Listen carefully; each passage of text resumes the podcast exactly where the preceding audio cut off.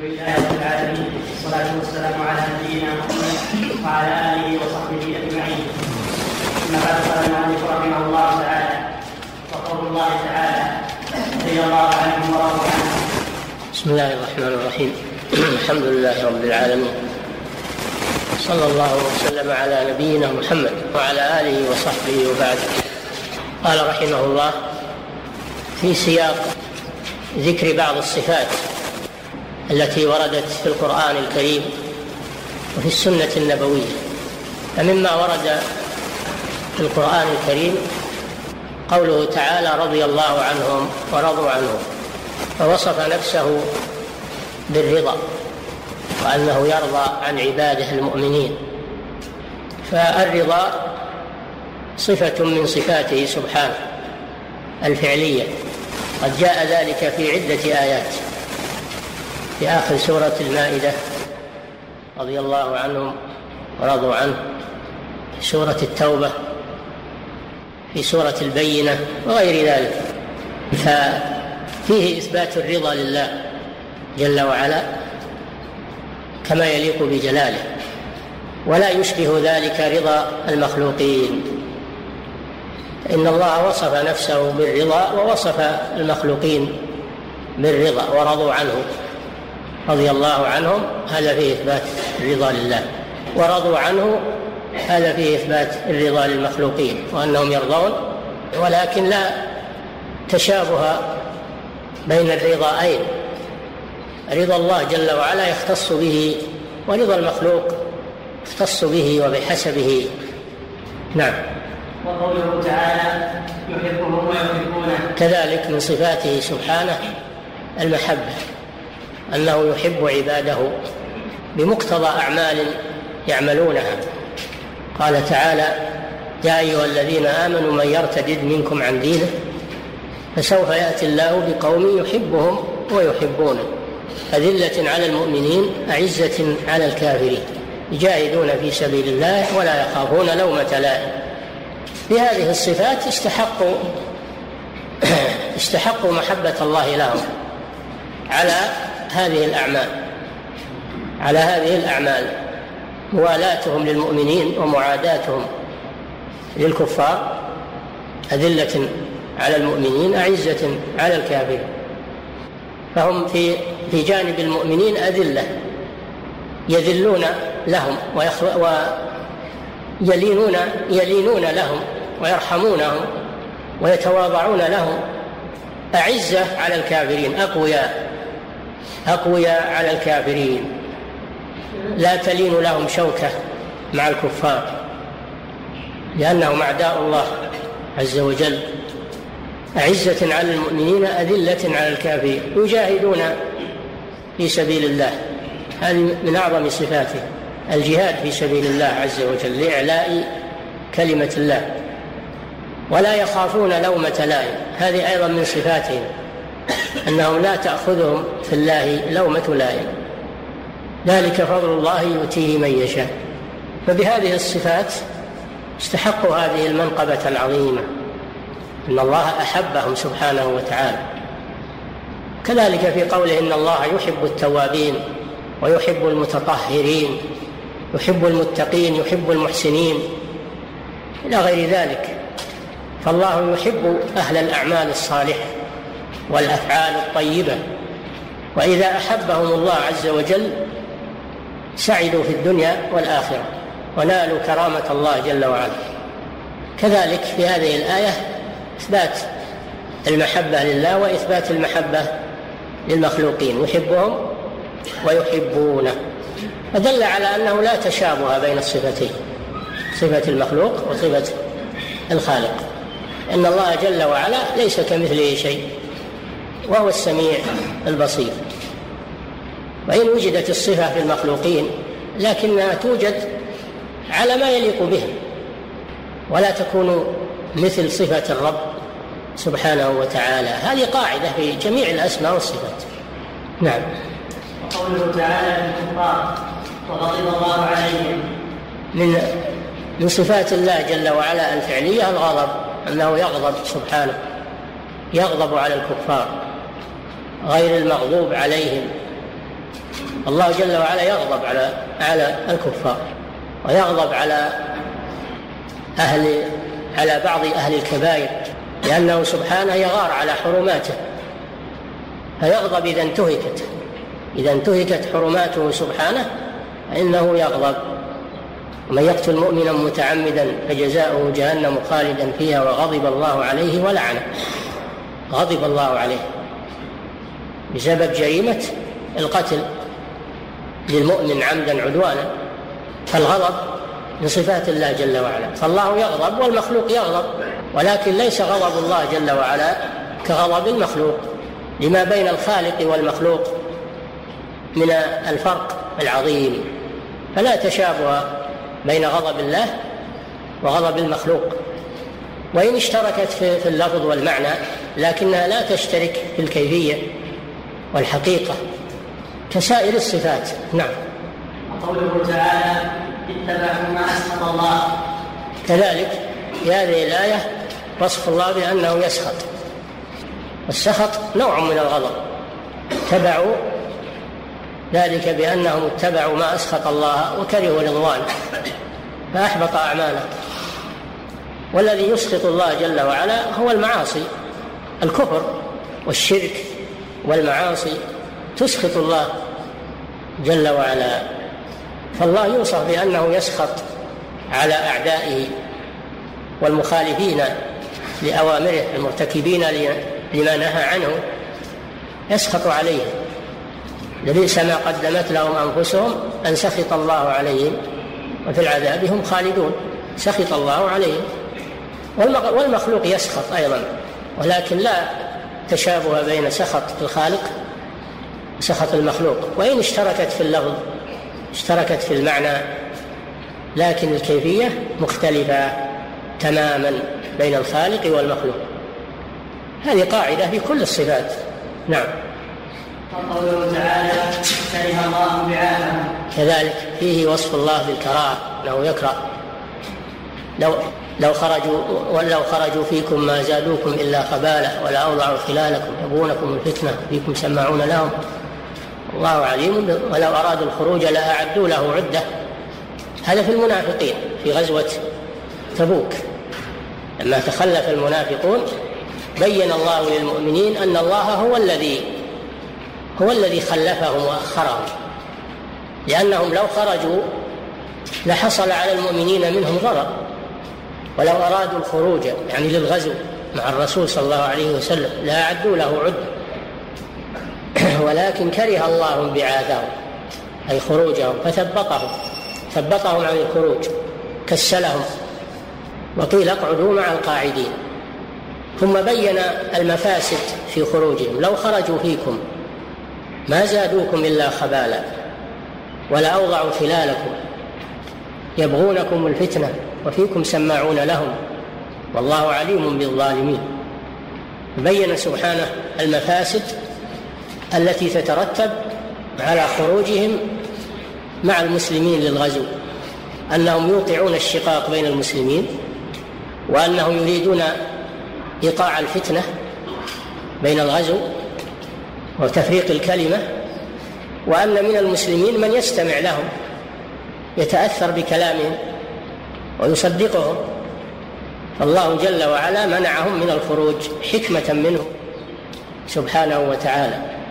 الشاهد من الآية كره الله انبعاثه ففيه أن الله يكره بعض الأعمال ويكره بعض الأشخاص. والمخلوق يكره أيضا ولكن مع الفرق بين كراهة المخلوق وكراهة الخالق سبحانه وتعالى. كسائر الصفات. نعم. ومن السنة قول النبي صلى الله عليه وسلم. لما فرغ من ذكر بعض الآيات الدالة على صفات الله جل وعلا وأنها لا تشابه بينها وبين صفات المخلوقين أراد أن يذكر نموذجا مما دلت عليه سنة الرسول صلى الله عليه وسلم. لأن ما جاءت به سنة الرسول صلى الله عليه وسلم فإنه يجب قبوله. والعمل به واعتقاد ما يدل عليه كالقرآن تماما لأن السنة وحي من الله جل وعلا وما ينطق عن الهوى إن هو إلا وحي يوحى وما آتاكم الرسول فخذوه وما نهاكم عنه فانتهوا. وأنه يستدل بالسنة في باب العقائد كما يستدل بها في باب الأحكام سواء.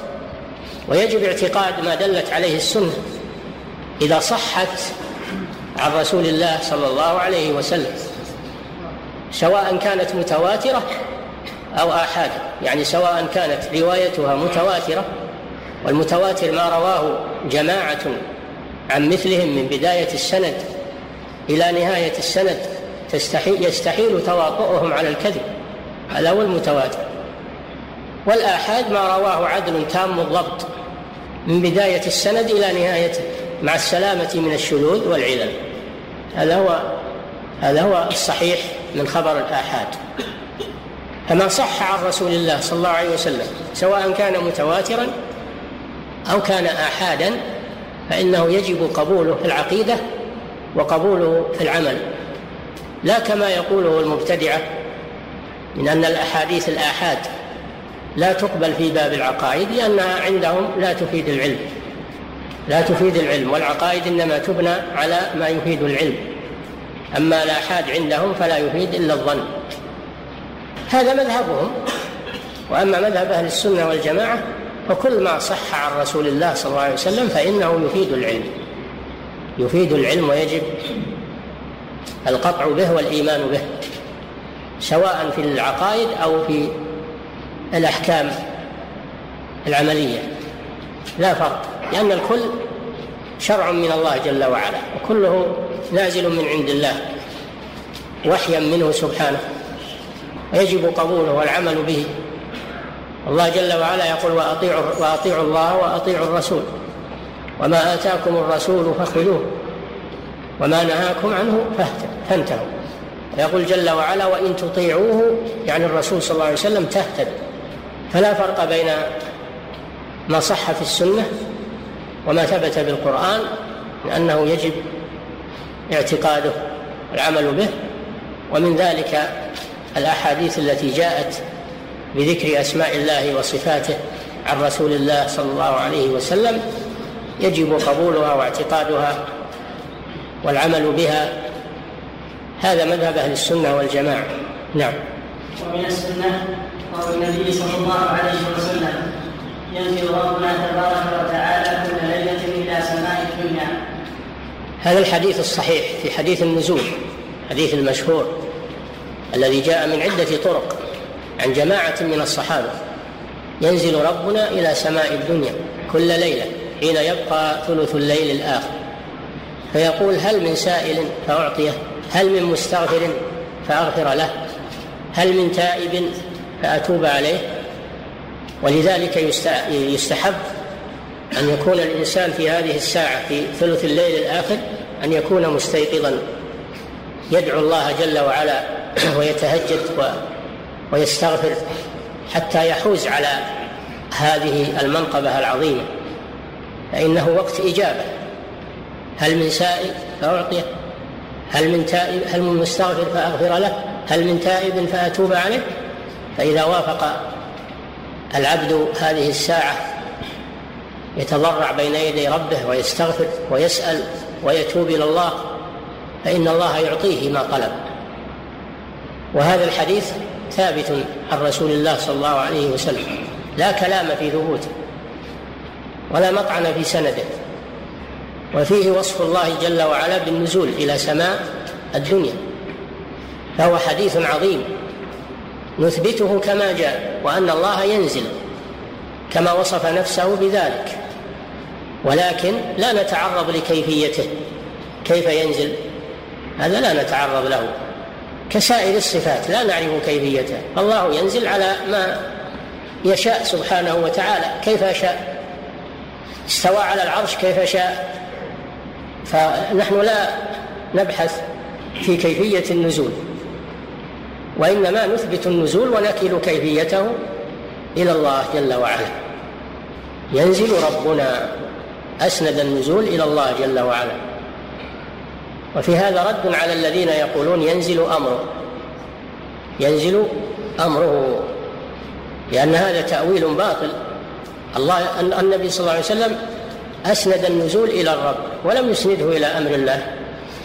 أيضا أمر الله جل وعلا دائما ينزل. ما هو خاص بثلث الليل الآخر. دائما ينزل أمر الله جل وعلا. ينزل أمره جل وعلا من السماء إلى الأرض دائما وأبدا. أيضا مما يبطل هذا التأويل أن الله جل وعلا يقول هل من سائل فأعطيه؟ هل من مستغفر فأغفر له؟ هل من تائب فأتوب عليه؟ هل الأمر يقول هذا؟ الأمر يقول هل من سائل فأعطيه؟ الأمر يعطي الأمر يغفر الذنوب. الأمر يتوب على من تاب. هذه كلها صفات لله جل وعلا. ليست صفات لأمره سبحانه وتعالى. فهو ينزل كما يشاء جل وعلا. نثبت ما جاء عن رسول الله صلى الله عليه وسلم ونعتقده ولا ندخل في كيفيته. نقول كيف ينزل؟ هل يخلو منه العرش أو لا يخلو؟ هل نزوله بحركة أو بغير حركة؟ هل هل إلى آخر التساؤلات؟ ثلث الليل يختلف باختلاف الأقاليم. كل هذا لا دخل لنا فيه. الذي خلق الأقاليم وخلق الليل والنهار هو الله جل وعلا. فهو ينزل كيف يشاء وهو على كل شيء قدير. سبحانه وتعالى. لا ندخل في هذه المتاهات وهذه الأباطيل ونتقول على الله وعلى رسوله ما لا نعلم. نحن لسنا مكلفين بذلك. كفاك أن تعلم أن الله جل وعلا ينزل إلى سماء الدنيا كل ليلة حين يبقى ثلث الليل الآخر وأن وأن تتعرض لهذه النفحات ولا تحرم نفسك منها فتقوم كل ليلة حين يبقى ثلث الليل الآخر وتسأل الله وتستغفره وتتوب إليه. أما أنك تجلس وتجيب هذه التساؤلات كيف ينزل؟ كيف كذا؟ كيف كذا؟ الليل يختلف تشغل نفسك بهذه الأمور وتحرم نفسك من هذا الأجر وهذه النفحات العظيمة. هذا حرمان والعياذ بالله. بلغك هذا الأمر فعليك بالمبادرة والامتثال لئلا تفوتك الفرصة. ولا تجلس تتساءل تفكر تسأل فلان وفلان. هذه مشغلة ولا طائل تحتها. نعم. الله ما أخبرنا بهذا إلا من أجل أن نستغل هذه الفرصة. في كل ليلة نستغلها نبادر إليها نتحراها. نعمة من الله جل وعلا وفرصة ثمينة. هذا هو المطلوب منا المطلوب منا العمل. ليس المطلوب منا الاستشكالات والتحريات والقول على الله بلا علم. لا هذا ضلال والعياذ بالله. نعم. وقوله يعجب ربك من الشاب ليست له صبوة يعجب هذا فيه إثبات العجب. لله سبحانه وتعالى وأنه يعجب يعجب للشاب يعني يحب هذا الشيء جل وعلا ويعجبه. والعجب هو خروج الشيء عن عن المألوف خروج الشيء عن المألوف. هذا الذي يسبب العجب. والله يوصف بالعجب والمخلوق يوصف بالعجب. الله يعجب والمخلوق يعجب. مع الفرق بين العجبين. يعجب ربنا للشاب. الشاب الذي ليس له صبوة. الصبوة هي الميل إلى الشهوات. الصبوة هي الميل إلى الشهوات والمستلذات. لأن من عادة الشاب بسبب قوة الشباب فيه وقوة الشهوة فيه أنه يميل إلى الشهوات وإلى الغفلة. واللهو والتمتع بهذه الدنيا. فإذا جاء شاب على خلاف هذا المألوف وترك التصابي وترك الميل مع الشهوات وأقبل على عبادة الله في شبابه فهذا يعجب الله جل وعلا لأنه عجب. وفي الحديث الآخر أن من السبعة الذين يظلهم الله في ظله يوم القيامة شاب نشأ في عبادة الله. شابا نشأ في عبادة الله سبحانه وتعالى. فكونه خرج عن طور الشباب الغلمة الشهوة وألف العبادة هذا شيء عجيب ودليل على قوة إيمانه. كما أن الشيخ كبير السن إذا حصلت منه زلة أو هفوة فهذا مما يستغرب منه لأنه في في سن لا يليق به المخالفة والميل مع الشهوات لكبر سنه. فوقوعه في الحرام دليل على ضعف إيمانه. ولهذا جاء أن من من الذين لا يكلمهم الله يوم القيامة ولا يزكيهم ولا ينظر إليهم ولهم عذاب أليم الشيخ الزاني أشيمط زان. والأشيمط تصغير أشمط. تصغير أشمط وهذا التصغير للتحقير. والأشمط هو الذي وخطه الشيء. فكان المألوف في مثل هذا أنه يقبل على العبادة. فإذا انصرف عن العبادة إلى الشهوات خرج عن المألوف. وصار ذنبه أعظم من ذنب الشاب. لأن الشاب تدفعه قوة الشهوة. أما هذا ليس فيه قوة شهوة. لكن لحبه للمعصية وإلفه لها مال إليها. الحاصل أن هذا الحديث فيه إثبات العجب لله جل وعلا وأنه يعجب من بعض عباده وتعجبه الأعمال. والمخلوق يعجب وإن تعجب فعجب قولهم أإذا كنا ترابا أئنا لفي خلق جديد. وصف نبيه بأنه يعجب وصف نفسه في هذا الحديث بأنه يعجب سبحانه وتعالى. مع الفرق بين العجبين. نعم. وقوله يضحك الله إلى رجلين قتل أحدهما الآخر ثم يدخل الجنة. هذا أيضا حديث صحيح. يضحك الله إلى رجلين. فيه وصف الله بأنه يضحك سبحانه وتعالى. المخلوق يضحك أيضا لكن مع الفرق بين ضحك الخالق جل وعلا وضحك المخلوق. يضحك الله إلى رجلين. يقتل أحدهما الآخر كلاهما يدخلان الجنة. وقد جاء تفسير ذلك بأن هذا الرجل القاتل كان على الكفر والمقتول كان مؤمنا. فالكافر قتل المؤمن. ثم تاب الله على هذا الكافر فأسلم فدخل الجنة فاجتمع هو والقتيل في الجنة. اجتمع هو والقتيل في الجنة. لأنه تاب فتاب الله عليه. فهذا دليل على أن الله سبحانه وتعالى يضحك من هذا الأمر العظيم. نعم. فهذا ما أشبه مما صح سنده. فهذا الذي ذكر في هذه الأحاديث من هذه الصفات وما أشبهه من الأحاديث الأخرى التي فيها صفات الرب جل وعلا مما صح سنده. انتبهوا لهذا. مما صح سنده. فلا بد أن يكون السند صحيحا والصحيح كما ذكرت لكم قريبا.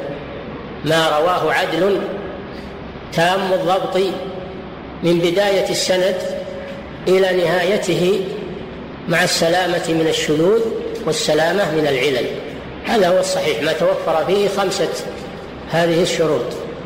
فإذا صح الحديث عن رسول الله صلى الله عليه وسلم وفيه صفة من صفات الله جل وعلا أو خبر عن الله جل وعلا فإنه يجب الإيمان به واعتقاده سواء كان متواترا أو كان آحادا لأنه يفيد العلم واليقين. لا كما يقوله أهل الضلال إن خبر الآحاد ولو صح إنما يفيد الظن عنده. وهذا لتلوث أفكارهم بعلم الكلام وعلم المنطق. ولو صحت أفهامهم وإيمانهم لما قالوا هذه المقالة في أحاديث الرسول صلى الله عليه وسلم.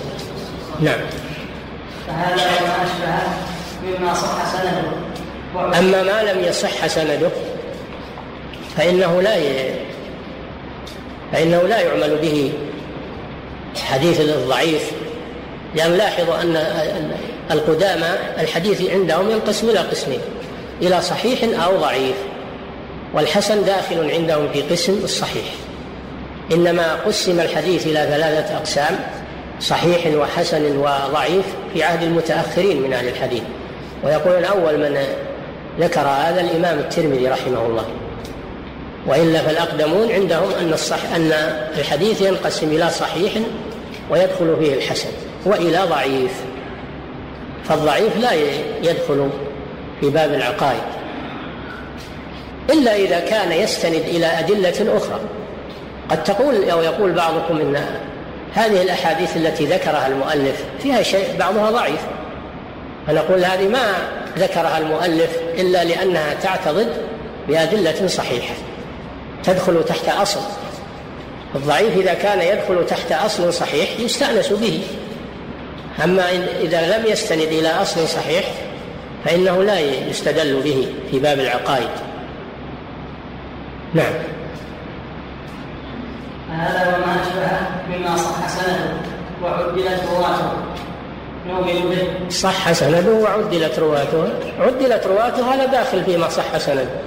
أنه لا يكون صحيحا إلا إذا عدلت رواته. هذا من باب التأكيد والترادف. نعم. نؤمن به ولا نرده نؤمن به نعتقده ولا نرده بخلاف أهل الضلال الذين يردون ما صح عن الرسول صلى الله عليه وسلم ويقولون إنه لا يفيد العلم بناء على قواعدهم المنطقية الكلامية التي ابتدعوها فنحن لا نعمل عملهم بل نبرأ منهم ومن عملهم نؤمن به ونعتقد ما دل عليه. نعم. نؤمن به ولا نرده ولا نرده كما يرده هؤلاء. نعم. ولا نجحده. ولا نجحده. أي نجحد ننفي. نجحده أي ننفي ما دل عليه من الأسماء والصفات. لا ننفي هذا بل نثبت ما دل عليه. كما أثبته الله ورسوله. هذا واجب المسلم. الإيمان والتسليم والانقياد لما صح عن الله ورسوله. ولا يتدخل بعقله وفكره واعتراضاته وتشكيكاته أو يقبل كلام المضللين وشبهات المشبهين. لا يلتفت إلى هذه الأمور. وما كان لمؤمن ولا مؤمنة إذا قضى الله ورسوله امرا أن يكون لهم الخيرة من أمرهم. من يعص الله ورسوله فقد ضل ضلالا مبينا. فالمدار على على الثبوت والصحة. فما ثبت.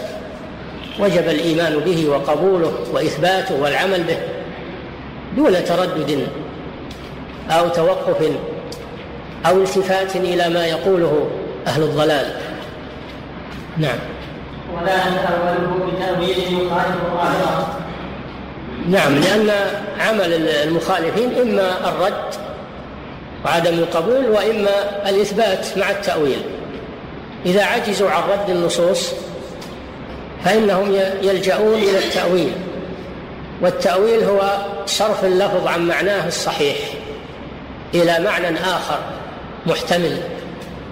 فيصرفون النصوص عن ظواهرها إلى معان أخرى. مثلا قالوا اليد معناها القدرة والوجه معناه الذات والاستواء معناه الاستيلاء على العرش. لأنهم لا يقدرون على رد هذه النصوص لأنها ثابتة بالقرآن بالسنة فيلجؤون إلى التأويل. فهم فهم يردونها إما أن يردوا لفظها وإما أن يردوا معناها. هذا دأبهم وهذا شأنهم. أهل الحق يقبلونها على لفظها ومعناها ويؤمنون بها. هذا مذهب أهل الحق. نعم. ولا نشبهه بصفات المخلوقين. نعم. لا نرده ولا نؤوله ولا نشبهه. الطائفة الثانية من أهل الضلال يثبتون يثبتون هذه الأدلة ولا يتكلمون في ثبوتها ولا أيضا يتكلمون في معانيها لكن يشبهونها بصفات المخلوقين. هؤلاء يقال لهم المشبهة والممثلة وهو مذهب باطل مثل التعطيل تماما. والمذهب الحق هو إثباتها بلفظها ومعانيها من غير تشبيه من غير تأويل ومن غير تشبيه. هذا مذهب أهل الحق. قوله تعالى ليس كمثله شيء وهو السميع البصير. فنفى عن نفسه المثلية. وأنه لا يشبهه شيء من خلقه. في الآية الأخرى فلا تضربوا لله الأمثال. يعني الأشباه والنور. وفي الآية الأخرى ولم يكن له كفوا أحد أي مكافئا ومساميا. في الآية الأخرى هل تعلم له سمية؟ أي لا تعلم أحدا يستحق اسمه على الحقيقة ويماثله. فلا تجعلوا لله أندادا والأنداد هم الأشباه والنظر لا في عبادته ولا في أسمائه وصفاته ولا في أفعاله. سبحانه وتعالى ليس له شبيه بوجه من الوجوه ليس له شبيه. فهؤلاء يثبتون الأدلة ولا يؤولونها ولكنهم زادوا في الإثبات حتى شبهوا الله جل وعلا بخلقه. هذا مذهب باطل وهو عديل لمذهب المعطلة وقول على الله بلا علم. ولا بسمات المحدثين. السمات هي الصفات والخصائص. والمحدثون هم المخلوقون. لأن كل مخلوق فهو محدث بعد أن لم يكن. كل مخلوق فإنه حادث بعد أن لم يكن. يسمى محدث. لأنه كائن بعد أن لم يكن. فنحن لا نشبه الله بصفات المخلوقين ولا بسمات المحدثين. المعنى واحد لكن هذا من باب التأكيد. نعم. ونعلم أن الله سبحانه وتعالى لا شبيه له ولا نظير. هذا هو اعتقاد أهل الحق أن الله جل وعلا لا شبيه له ولا نظير. يعني أحد يشبهه سبحانه وتعالى والنظير هو المساوي للشيء فلا أحد يساوي الله جل وعلا. تقول هذا نظير هذا أي هذا معادل معادل لهذا ومساو له. الله جل وعلا ليس له شبيه في أسمائه وصفاته ولا نظير أحد يشاركه سبحانه فيما يستحقه من العبادة وصفات الكمال ونعوت الجلال. لا أحد يشارك الله جل وعلا في شيء من ذلك. هذا فيه رد على المشبهة الذين غلوا في إثبات الأسماء والصفات حتى شبهوها بصفات المخلوقين. والأولون غلوا في التنزيه حتى عطلوا الله جل وعلا من أسمائه وصفاته. فطائفة غلت في التنزيه وهم المعطلة. وطائفة غلت في الإثبات وهم المشبهة أما أهل السنة والجماعة فإنهم وسط. لم يعطلوا أسماء الله يعني نزه الله جل وعلا. نزه الله عن النقائص تنزيها بلا تعطيل. وأثبتوا له الأسماء والصفات إثباتا بلا تشبيه ولا تمثيل. فتجنبوا غلو الطائفتين غلو المنزهة وغلو الممثلة والمشبهة. كلا الطائفتين غالي في مذهبه. أهل السنة والحمد لله معتدلون على مقتضى الكتاب والسنة. نعم. وهكذا الحق دائما. الحق دائما هو الوسط. دائما. الحق هو الوسط. بين الضلالتين. نعم. ونعلم أن الله سبحانه وتعالى لا شبيه له ولا نظير. نعم. ليس كمثله شيء وهو السميع البصير. هذه الآية ميزان. هذه الآية ميزان لأهل الحق. ترد على المعطلة وترد على المشبهة. وتثبت لله الأسماء والصفات من غير تعطيل ومن غير تشبيه. ليس كمثله شيء. هذا رد على المعط على المشبهة الذين غلوا في الإثبات. وهو السميع البصير هذا رد على المعطلة. الذين غلوا في التنزيه. حتى نفوا أسماء الله وصفاته فرارا من التشبيه عندهم. فوقعوا في تشبيه أشر من ما فروا منه وهو أنهم شبهوا الله بالمعدومات والممتنعات. نعم وكل ما تكن في الذهن أو خطر بالبال فإن الله تعالى في ذاته نعم الله جل وعلا لا يتصور في الذهن ولا في في التفكير لأنه أعظم من كل شيء. فلا يجوز لأحد أن يتخيل ذاته سبحانه أو صفاته. قال تعالى يعلم ما بين أيديهم وما خلفهم ولا يحيطون به. ولا يحيطون به علم لا يحيطون بالله جل وعلا علم. فلا يعلم فلا يعلم ذاته سبحانه وتعالى إلا هو سبحانه.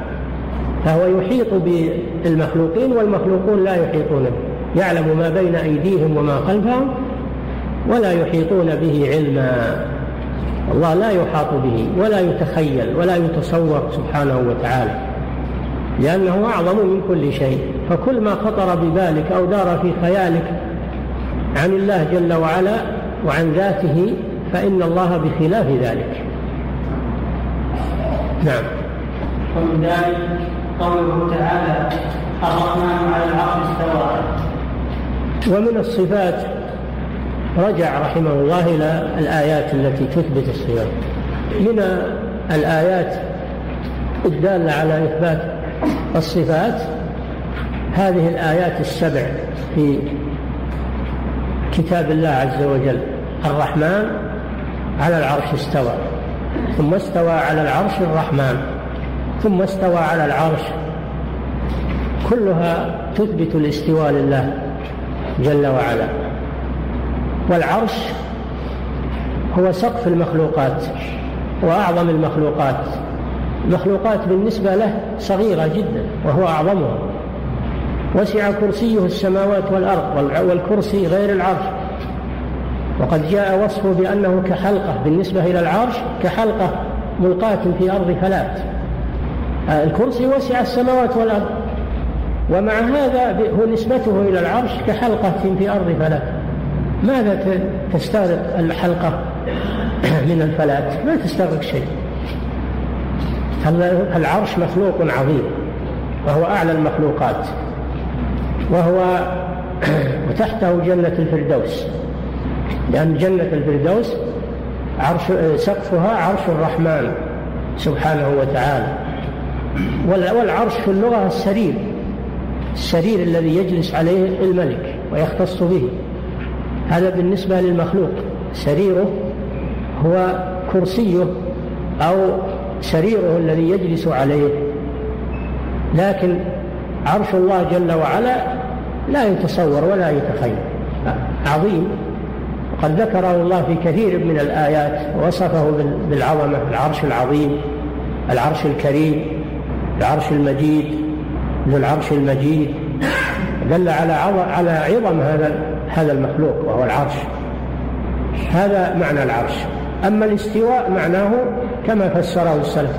العلو استوى على العرش يعني على على العرش. استقر الاستقرار. استقر صعد ارتفع. كل هذه تفاسير لاستوى. استوى معناها على. استوى معناها صعد. استوى معناها استقر. قال ابن القيم رحمه الله ولهم عليها يعني على هذه الآيات آيات الاستواء عبار ولهم عليها عبارة ولهم عليها عبارات أربع. قد حصلت للفارس الطعام وهي استقر وقد علا وكذلك ارتفع الذي ما فيه من نكران إلى أن قال وكذلك صعد الذي هو رابع. أربعة تفسيرات. على ارتفع صعد استقر. هذه تفسيرات السلف للاستواء على العرش. أما أهل الضلال فيفسرون الاستواء بالاستيلاء فيقولون استوى على العرش يعني استولى عليه استولى عليه. وهذا التفسير ليس له وجه في اللغة ولا هو معروف عند العرب. إن الاستواء يفسر بالاستيلاء أبدا. إلا بيتا نسبوه نسبوه للأخطل الذي يقول قد استوى بشر على العراق من غير سيف أو دم مهراق. والأخطل مع أنه نصراني لا يحتج بكلامه. النصارى أهل ضلال وأهل لكن مع هذا لم يثبت عن الأخطل وليس هو في ديوانه المعروف. ليس هو في ديوانه المعروف. فليس في لغة العرب تفسير الاستواء بالاستيلاء أبدا. هذا تفسير محدث. وهذا البيت منتحل ومكذوب على لغة العرب. هذا من ناحية. الناحية الثانية يلزم على هذا والعياذ بالله ما لازم باطل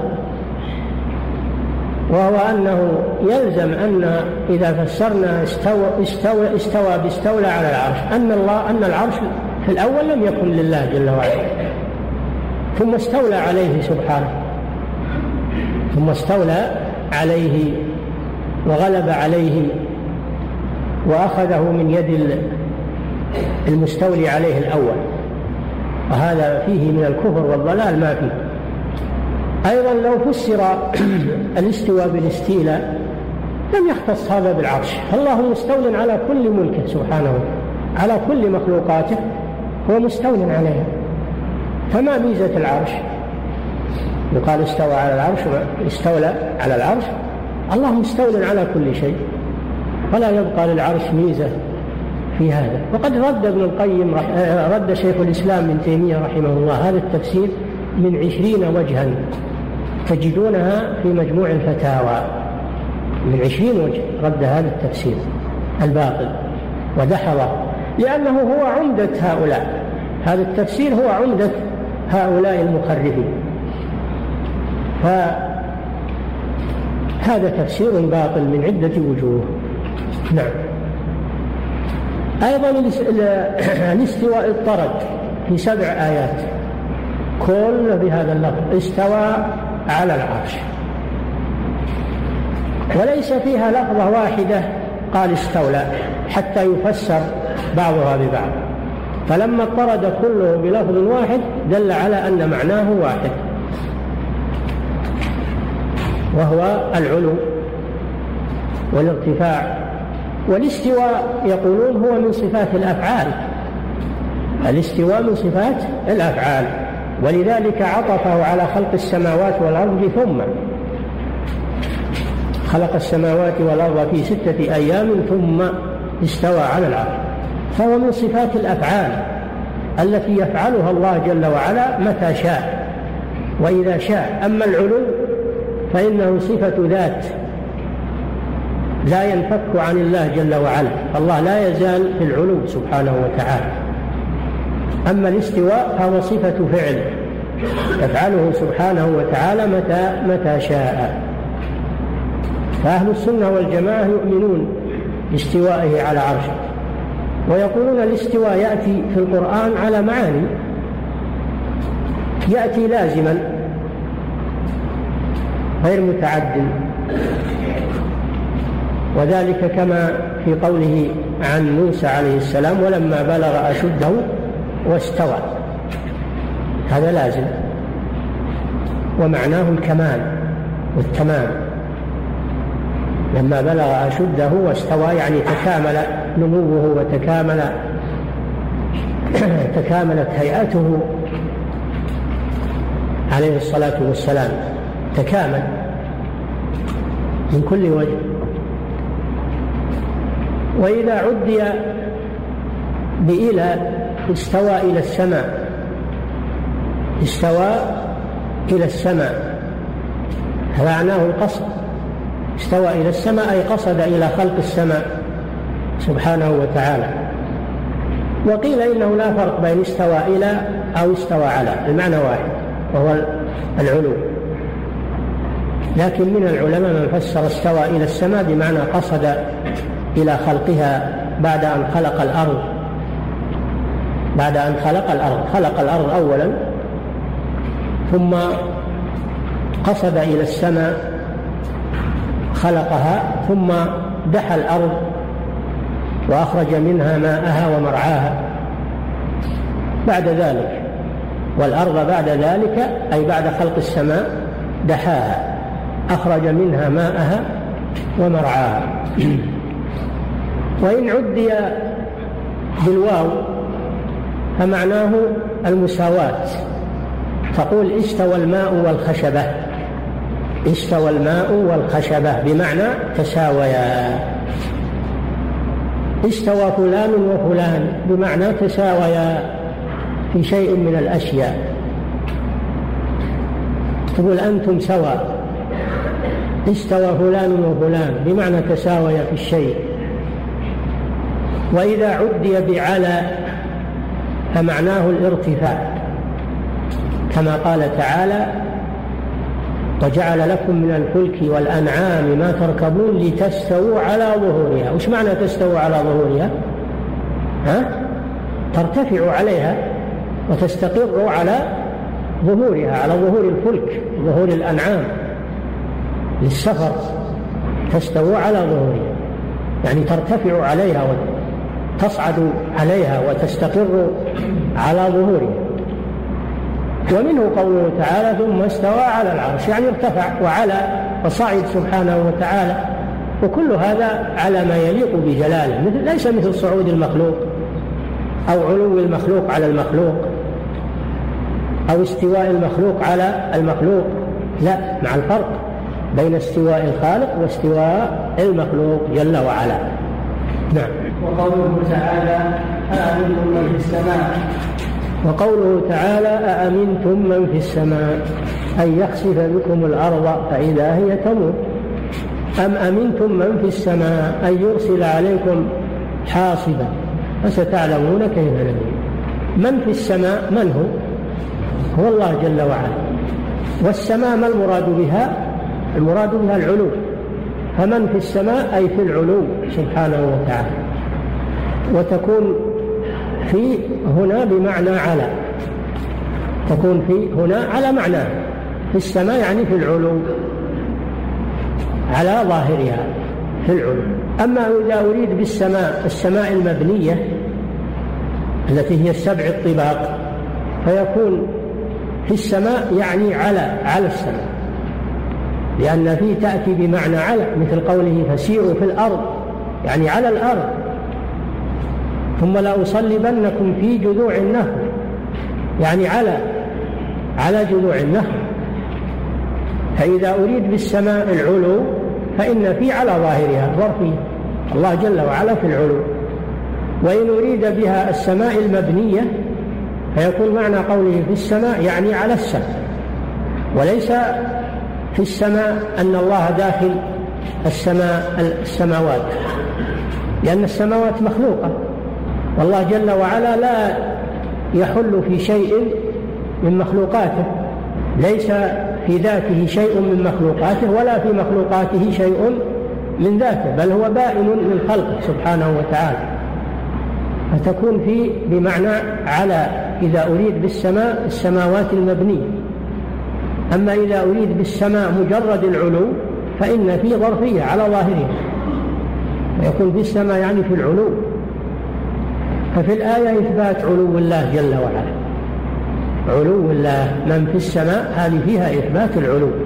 وأن الله في السماء يعني في العلو. نعم. هذا فيه رد على الجهمية والمعطلة الذين يقولون إن الله لا يوصف بأنه في العلو ولا داخل العالم ولا خارج العالم ولا يمنع ولا يسرع ولا ولا. وهذا معناه العدم لأن الذي ليس داخل العالم ولا خارج العالم ولا يمنع ولا يسرع ولا أمام ولا كذا ولا كذا سلوب كله سلوب نفي هذا معناه أنه معدوم. تعالى الله عما يقولون. وكذلك رد على الحلولية. الذين يزعمون أن الله حال في كل شيء. تعالى الله عما يقولون. هؤلاء يقال لهم الحلولية نعم. وقول النبي صلى الله عليه وسلم ربنا الله الذي في السماء. كما أن الله وصف نفسه بأنه في السماء كذلك النبي صلى الله عليه وسلم وصف نفسه وصف ربه بأنه في السماء. فقال في حديث الرقية المعروف ربنا الله الذي في السماء تقدس اسمك أمرك في السماء والأرض كما رحمتك في السماء اجعل رحمتك في الأرض اغفر لنا حوبنا وخطايانا. أنت رب الطيبين. أنزل شفاء من شفائك. أنزل رحمة من رحمتك وشفاء من شفائك على هذا المرض. الشاهد منه قوله الذي في السماء. وصف ربه بأنه في السماء. وفي السماء كما ذكرت لكم تفسر على وجهين. وعلى كلا الوجهين ففيها إثبات علو الله جل وعلا فوق مخلوقاته. وهذا الحديث وإن كان فيه ضعف لكن الآية التي قبله أأمنتم من في السماء وأنا قلت لكم إن المصنف وغيره يذكرون قد يذكرون الأحاديث ضعيفة في باب العقائد لأنها تدخل تحت أدلة صحيحة. تؤيد معناها نعم. فهي من باب الاعتضاد ومن باب الاستئناس بها لا من باب الاعتماد عليها كليا. نعم. وقال أين الله؟ قال في السماء. هذا الحديث صحيح. وهو أن معاوية بن الحكم السلمي رضي الله عنه كانت له جارية فغضب عليها ولطمها. لطمها على وجهها ثم ندم رضي الله عنه. وجاء إلى النبي صلى الله عليه وسلم يسأله عن إعتاقها. أراد أن يعتقها كفارة عما حصل منه. فقال لها النبي صلى الله عليه وسلم أين الله؟ قالت في السماء. قال من أنا؟ قالت أنت رسول الله. قال أعتقها فإنها مؤمنة. شهد لها رسول الله صلى الله عليه وسلم بالإيمان لما قالت إن الله في السماء وأن محمدا رسول الله. فهو أقرها على ذلك ووصفها بالإيمان وقد وصفت ربها بأنه في السماء.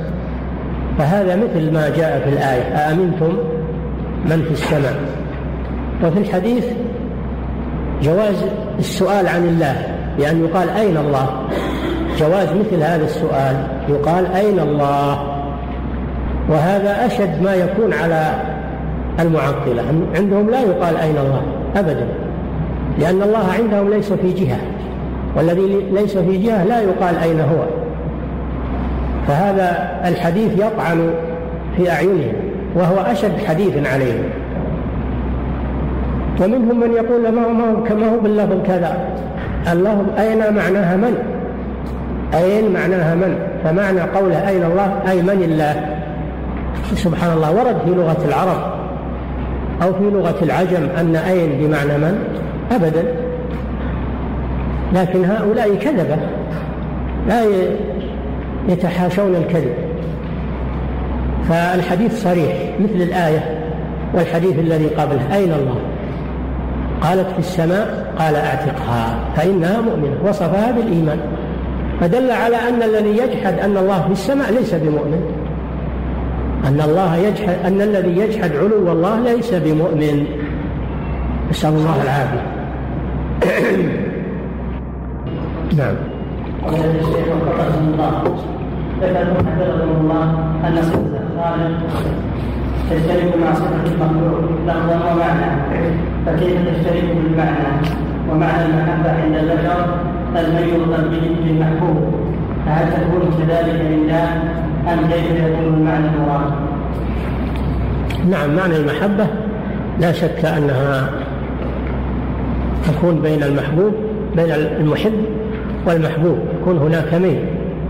يكون هناك ميل بين المحب والمحبوب. لكن هذا الميل يختلف. يختلف بين الخالق والمخلوق فليس ميل المخلوق مثل ميل الخالق لهذا الشيء. نعم. فضيلة الشيخ وفقكم الله تفسير باللازم هل هو صحيح؟ كان يقال نثبت المحبة لله ومن لوازمها إزالة المؤمنين. وخاصة أن بعض السلف ومنهم الإمام أحمد رحمه الله قد فسر باللازم فهل يقال بذلك؟ نعم. من ثمرات المحبة محبة الله للمؤمنين أنه يثيبهم. أنه يثيبهم ويجزيهم ويكرمهم. هذا بلا شك. ما تكون المحبة بلا ثمرة أبدا. نعم. فضيلة الشيخ وفقكم الله. ما رأي فضيلتكم بهذه العبارة؟ ومن المشابه آيات الصفات. نحو الرحمن على العرش استوى. كل شيء هالك إلا وجهه ولتصنع على عينه. ومنه أحاديث الصفات. ومذهب جمهور أهل السنة ومنهم سفيان الثوري وابن مبارك وابن عيينة أنه يجب الإيمان بها وتقويض علم معناها المراد منها إلى الله تعالى وترك تأويلها مع تنزيهه تعالى عن حقيقتها لاستحالة مشابهته تعالى للحوادث هذا كلام باطل من أوله إلى آخره. وهذا كلامهم هذا الكلام منقول من عقائدهم. وهو كلام باطل. فليست فليست أسماء الله وصفاته من المتشابه بل هي من من المحكم الواضح المعنى الذي لا شك فيه. وإنما المتشابه هو كيفيتها وحقيقتها أما معناها فليس هو من المتشابه. ولا أحد من السلف عدها من المتشابه وهذا كذب على من ذكر سفيان وغيره هذا كذب عليه. وقول أهل السنة هذا عند الأشاعرة لأنهم يسمون أنفسهم بأهل السنة. أهل الأشاعرة يسمون أنفسهم أهل السنة. وهذا غلط. ليسوا من أهل السنة. ولا مآخذهم ومشاربهم مثل مشارب أهل السنة. ومصادر التلقي عندهم مختلفة عن مصادر التلقي عند أهل السنة. فليسوا من أهل السنة. وهذه التسمية لهم بأهل السنة كذب لأنها تخالف واقع واقعهم وما هم عليه. وفي فرق بين مذهبهم ومذهب أهل السنة من وجوه كثيرة. فهذا الكلام هذا منقول من عقائد الأشاعرة وهو كلام باطل. ولا والسلف لا يفوضون لا يفوضون الصفات. لأن معناها واضح عندهم. ولهذا لما سئل مالك عن الاستواء قال الاستواء معلوم. ولم يقل الاستواء مفوض. قال الاستواء معلوم. يعني معلوم المعنى. والكيف مجهول. فهو فرق رحمه الله بين المعنى وبين الكيف. المعنى معلوم والكيف مجهول. والإيمان به واجب والسؤال عنه بدعة. يعني الكيفية. لأن السائل قال له كيف استوى؟ سأله عن الكيفية. ما سأله عن معنى الاستواء وإنما سأله عن الكيفية. ف...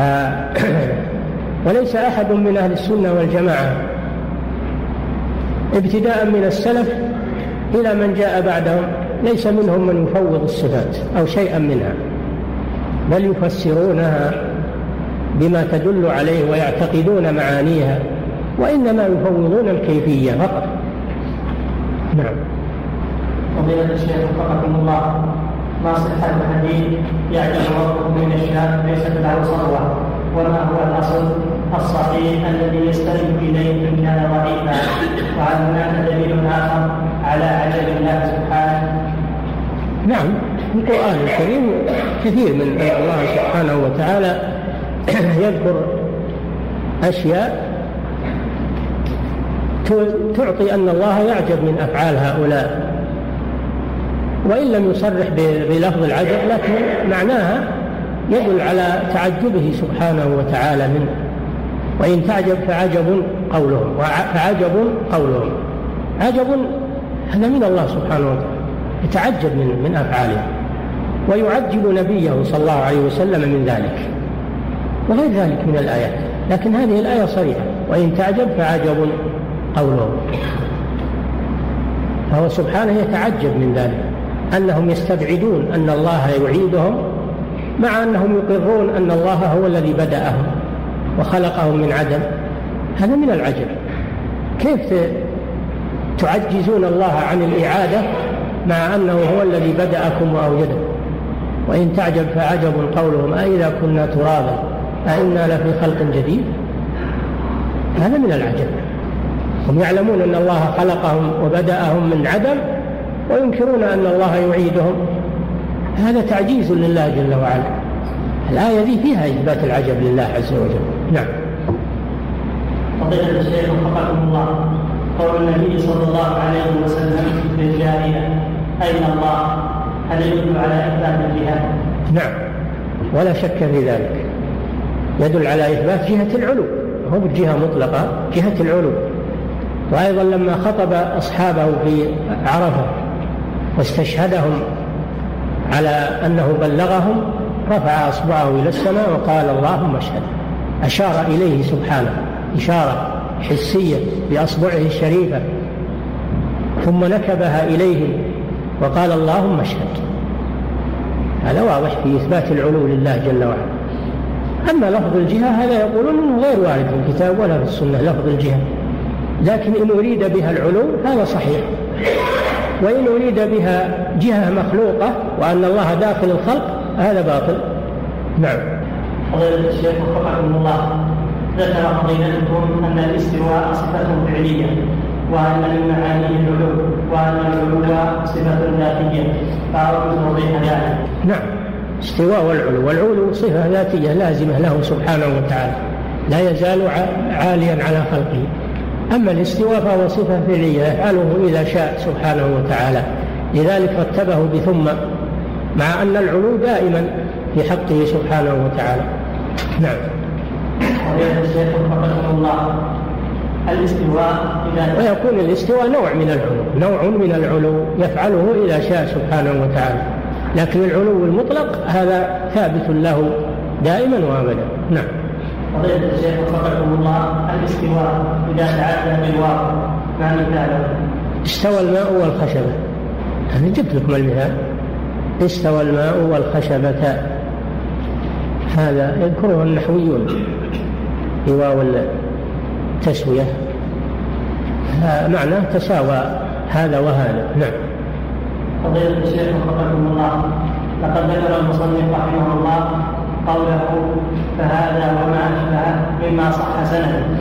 ألا يتبادر إلى الذهن أنه لا يصح متنه أو أن السند إذا صح صح المتن؟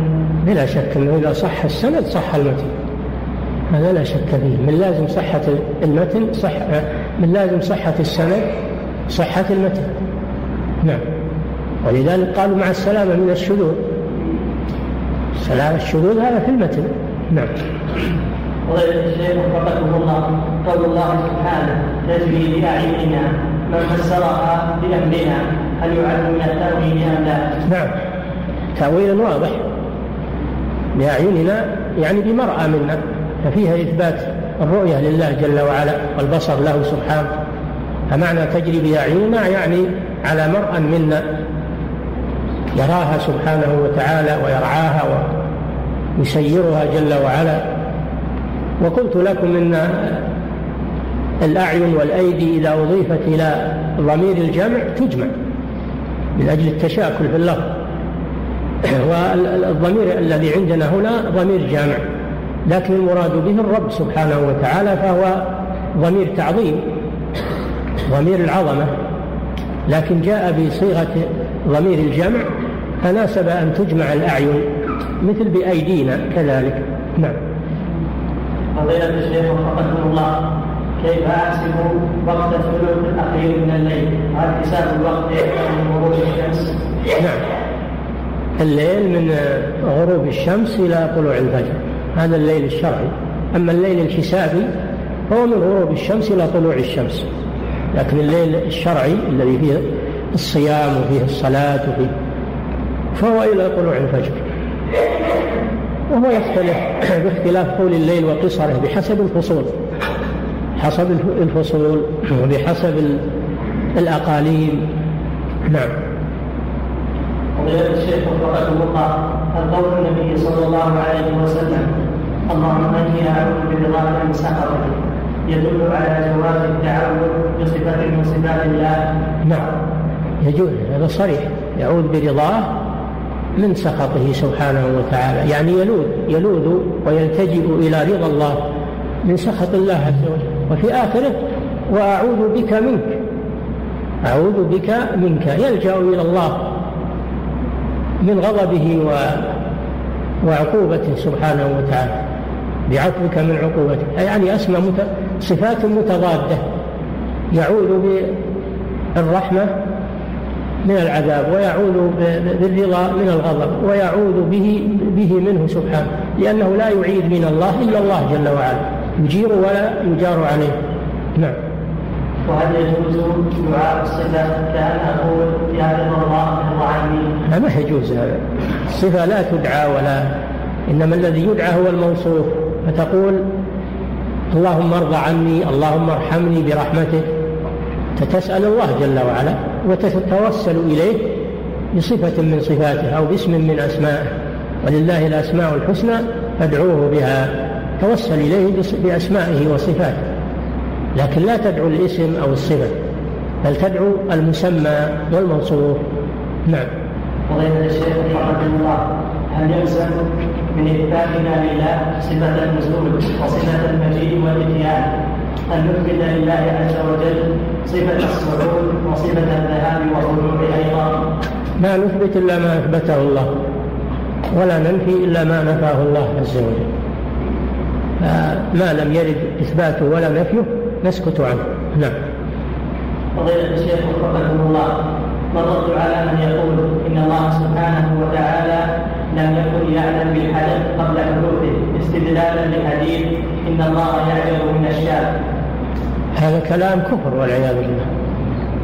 الذي يجحد حلم الله الأزلي القديم هذا كفر. وهذا مذهب غلاة القدرية هم الذين ينكرون علم الله القديم. الله جل وعلا علم ما كان وما يكون بعلمه الأزلي الذي هو موصوف به أزلا وأبدا.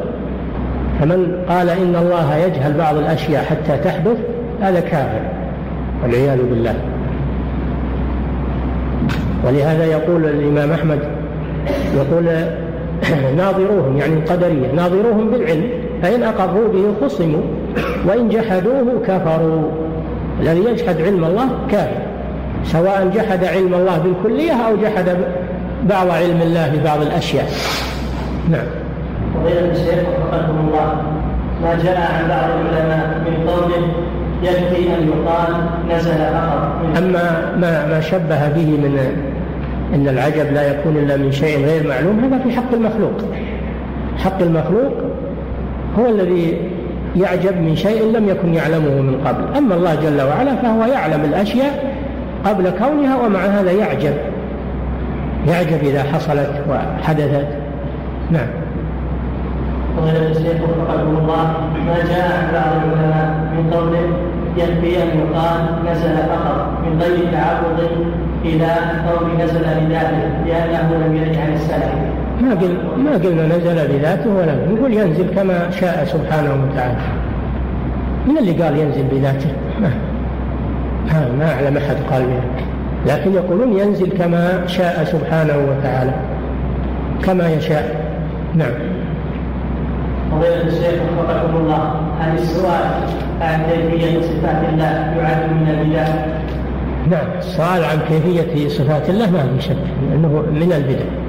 ولذلك الإمام مالك رحمه الله قال ما أراك إلا مبتدعا فأمر به فأخرج من مجلسه لأنه لا يسأل عن الكيفية. نعم. فضيلة الشيخ وفقكم الله كلام الله سبحانه وتعالى من أي الصفات الذاتية أم الفعلية؟ الفعلية يتكلم تكلم ويتكلم إذا شاء سبحانه وتعالى فهو من صفاته الفعلية. نعم. فضيلة الشيخ وفقكم الله ما رأي فضيلتكم فيمن يقول إن استوى بمعنى جلس هل يعد من التأويل؟ هذا باطل لأنه لم يرد. لم يرد تفسير بالجلوس. ونحن لا نحدث شيء من عند أنفسنا. نعم.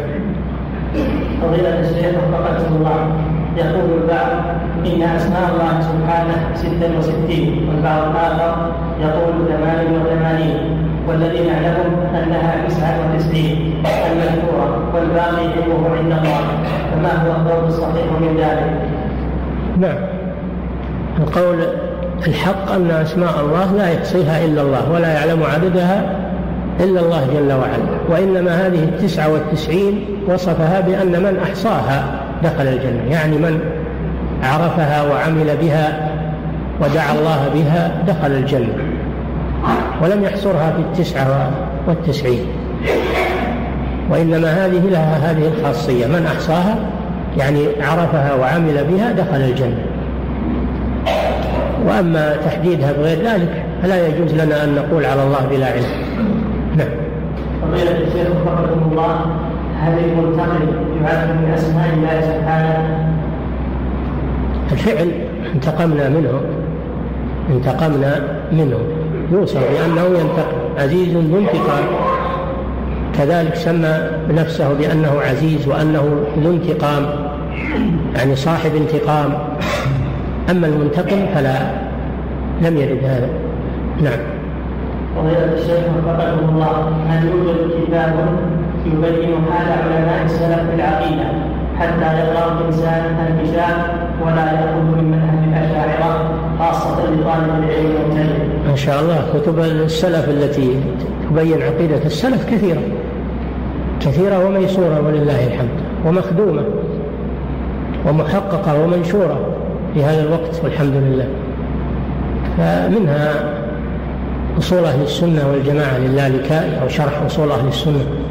للإمام اللالكائي ومنها كتاب السنة لابن أبي عاصم. كتاب السنة كتاب الشريعة للآجري. كتاب التوحيد لابن خزيمة. إلى غير ذلك من كتب أهل السنة المتداول. كتاب السنة للأثرم كتاب السنة عبد الله بن الإمام أحمد. كثيرة جدا. نعم الشيخ الله. هل هناك قاعدة عامة في جميع الصفات الفعلية وغيرها؟ هذا يحتاج إلى مراجعة كلام أهل العلم وتعرف إن شاء الله. يعني أنواع الصفات وتقسيماتها. تراجع كتب العقائد. نعم. فضيلة الشيخ وفقكم الله جاء في الحديث عن النبي صلى الله عليه وسلم إن الله لا يمل حتى تمل. وفي حديث آخر سبعة يظلهم الله بظله من صفات الله سبحانه الملل والضيق؟ لا هذا من باب المقابلة. لا يمل حتى تمل من باب المقابلة مثل ومكروا ومكر الله. سخر فيسخرون منهم سخر الله. منهم من باب المقابلة والمجازات. لا أن الله يوصف بأنه المال أو أنه الساخر أو أنه الماكر لا يجوز هذا. ولكن هذا من باب المقابلة والمجازات فقط. نعم. الله تعالى أعلم وصلى الله وسلم على نبينا محمد وعلى آله وصحبه.